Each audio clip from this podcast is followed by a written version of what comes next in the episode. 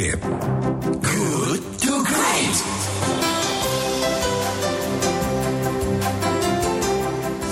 107,1 Kilat FM Bandung Inspiring Sound. Terima kasih sahabat Kilat Anda masih bersama dengan kami di Good to Great because good is the enemy of great. Kita sudah berada di diskusi di paruh ketiga dan pagi hari ini kami mengangkat tema merefleksi Hari Media Sosial apa catatan penting terkait upaya memerangi hoax di tengah pandemi COVID-19.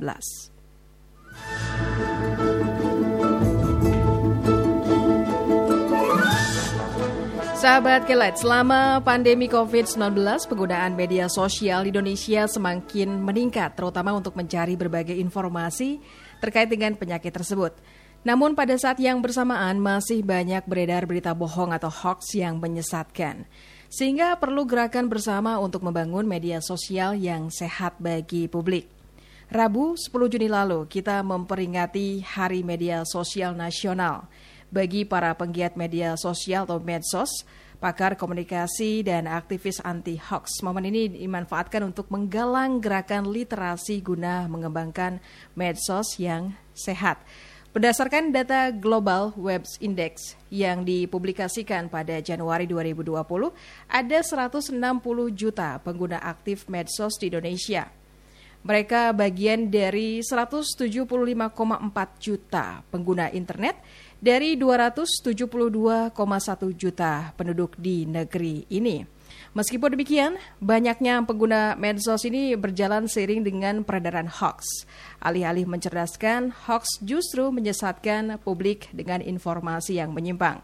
Guna untuk membahas hal tersebut, pagi hari ini kami akan menghadirkan narasumber yaitu Ari Bowo Sasmito selaku co-founder dan ketua pemeriksa fakta Mavindo.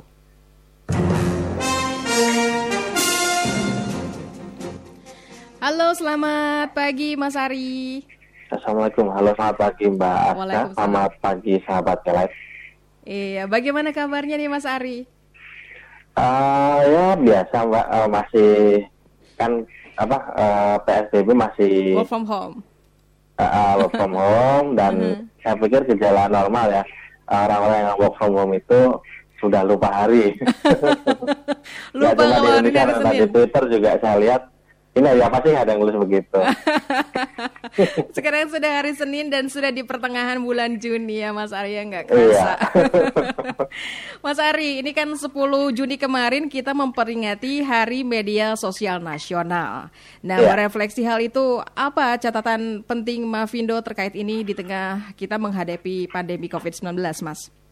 Ya, itu sesuatu yang sudah klasik, uh, standar tipikal untuk uh, rata-rata orang sudah tahu bahwa uh, hoax atau pelintiran itu beredar menggunakan isu-isu atau tema-tema yang sedang banyak dibicarakan, banyak sedang trending, sedang viral. Dan uh, sejak bulan Januari lah ya, Januari itu kan pertama dilaporkan di bulan Desember ya di di Wuhan di Tiongkok mulai uh, mulai menyebar, itu di Januari sudah uh, hampir setiap hari lah bisa bisa tiga, bisa lima, bisa enam itu uh, pelintiran atau hoax temanya menggunakan COVID-19. Nah kalau sebelum pengumuman pasien satu dan pasien dua itu rata-rata pelintirannya tentang di, di kota ini, di daerah ini, rumah sakit ini ada yang positif sedang ditangani, bahkan mm-hmm. menggunakan bahan video nih mbak, tidak cuma foto. Jadi mm-hmm. uh, video yang sedang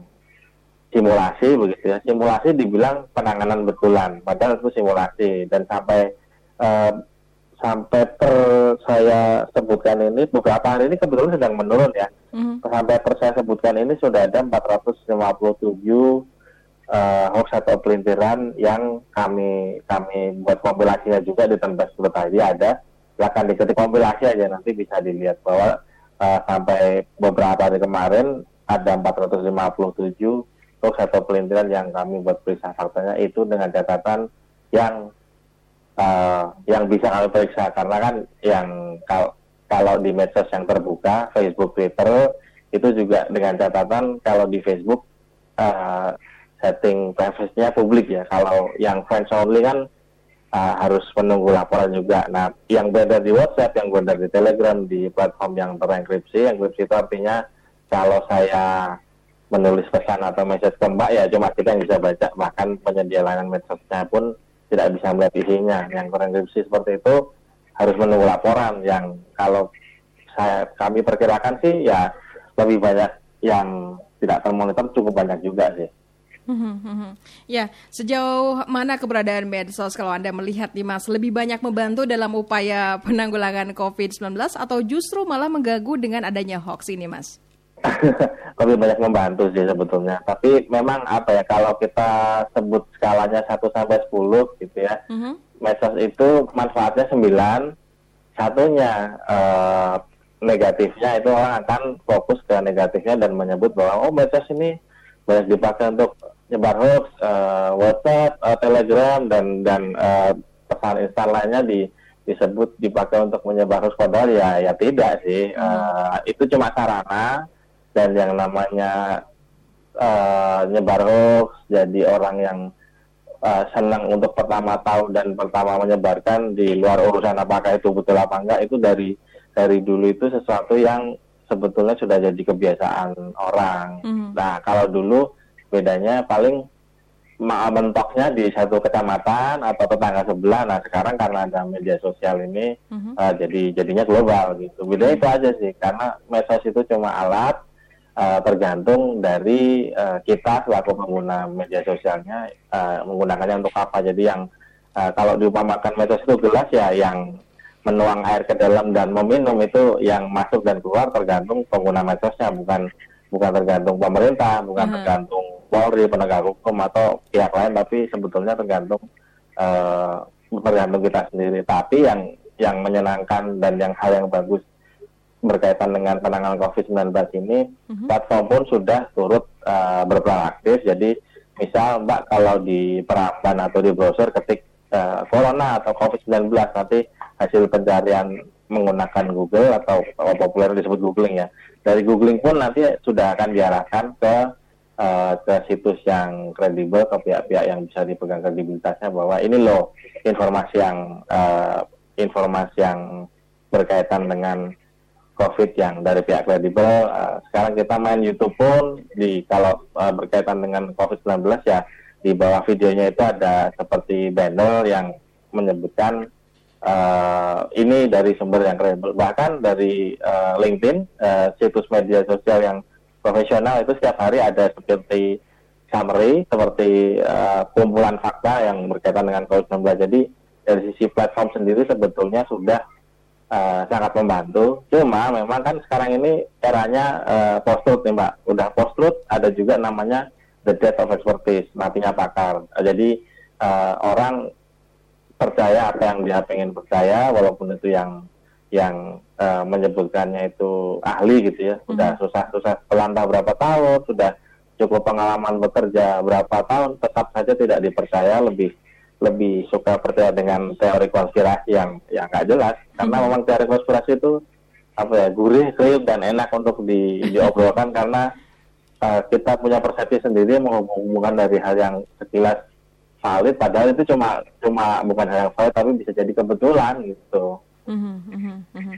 Ya, Mas Ari ini kan uh, pandemi corona di Indonesia sudah hampir empat bulan ya kurang ya dalam catatan oh. Mavindo ini cukup banyakkah temuan hoax uh, bertema COVID-19 ini kalau misalnya di total nih ada berapa dari pertengahan Maret sampai sekarang? Nah ini trennya cenderung naik kah, Mas?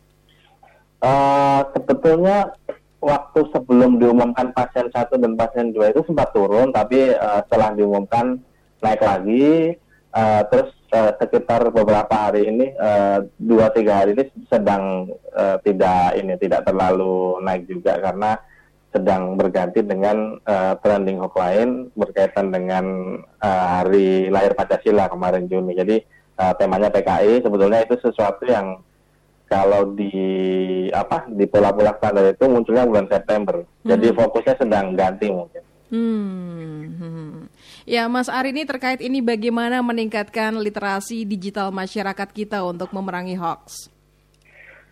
Uh, iya, sebetulnya memang kuncinya itu ya, uh, kuncinya ada di diri kita sendiri, uh, kuncinya ada di uh, kebiasaan kita bahwa jangan malas membaca, jangan uh, diterus-teruskan kebiasaan. Orang kalau nyebar itu kan bilangnya dari grup sebelah gitu atau kalau ditanya kembali ini betul nggak yang kamu sebar dijawabnya nggak uh, tahu saya cuma share. Jadi itu kebiasaan yang apa ya, dan termasuk kebiasaan cuma membaca judul.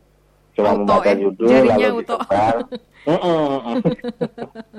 harusnya dibaca dulu gitu. Mm. nah memang kuncinya ada di kita semua untuk bagaimana literasi Indonesia ini eh, bisa diperbaiki. Ingat eh, beberapa tahun lalu ada riset yang menyebutkan bahwa Indonesia ini peringkat dua, tapi bukan peringkat dua runner up ya, peringkat duanya dari bawah, peringkat dua dari bawah, di bawah negara Botswana Afrika mengenai eh, kemampuan literasi. Jadi eh, memang itu kuncinya jangan malas membaca.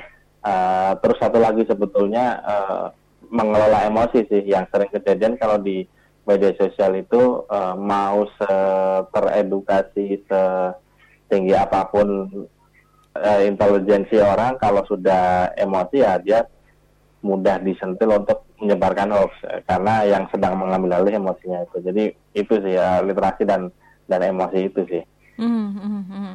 Ya, media sosial telah mengubah masyarakat eh, berkomunikasi ya. Media sosial juga telah menjadi alat komunikasi dan Betul, eh, betul. tidak hanya untuk berkomunikasi, namun juga sarana untuk berbagi informasi. Namun dengan eh, semua kecanggihan yang ditawarkan oleh media sosial, masyarakat Indonesia masih belum apa ya terlalu sadar akan etika dalam menggunakan media sosial. Nah, Mas Ari ini yang terakhir, apa masukan edukasi atau himbauan yang akan Anda sampaikan kepada masyarakat luas agar cerdas memfilter informasi hoax apalagi ini di masa pandemi corona yang membuat eh, sebagian masyarakat besar itu takut. Ya, kalau saya biasa merangkumnya dengan tiga kata, jaga emosi, tahan jari, verifikasi sebelum dibagi. Karena tadi eh, kalau kita sedang emosi, biasanya eh, sepinter, teredukasi apa pun, seinterak apa pun, kita akan menyebarkan. Eh, verifikasi itu dibiasakan untuk diperiksa dulu, jangan setiap informasi, pesan atau video atau foto yang masuk langsung begitu saja disebarkan sebelum diperiksa dan eh, tahan jari. Ingat ya, kalau sudah terlanjur menyebar, kita ternyata menyesal lalu dihapus, eh, itu ada sesuatu yang lebih lebih powerful daripada kalau di Amerika itu punya FBI CIA, di Inggris punya MI6, di Indonesia itu ada yang namanya screenshot. Hati-hati, kita sudah terlanjur menyesal, mau dihapus ternyata sudah ada screenshotnya, jadi eh, sejak digital kita eh, terlambat gitu. Baik, baik. Mas Ari, terima kasih untuk perbincangan singkat di pagi hari ini. Terima kasih Mbak, Assalamualaikum, selamat pagi. Waalaikumsalam, sukses untuk Anda. Selamat pagi juga. Amin, makasih Mbak. Ya sahabat Kelet, demikian perbincangan kita bersama dengan narasumber Ari Bowo Sasmito selaku co-founder dan ketua pemeriksa fakta Mavindo.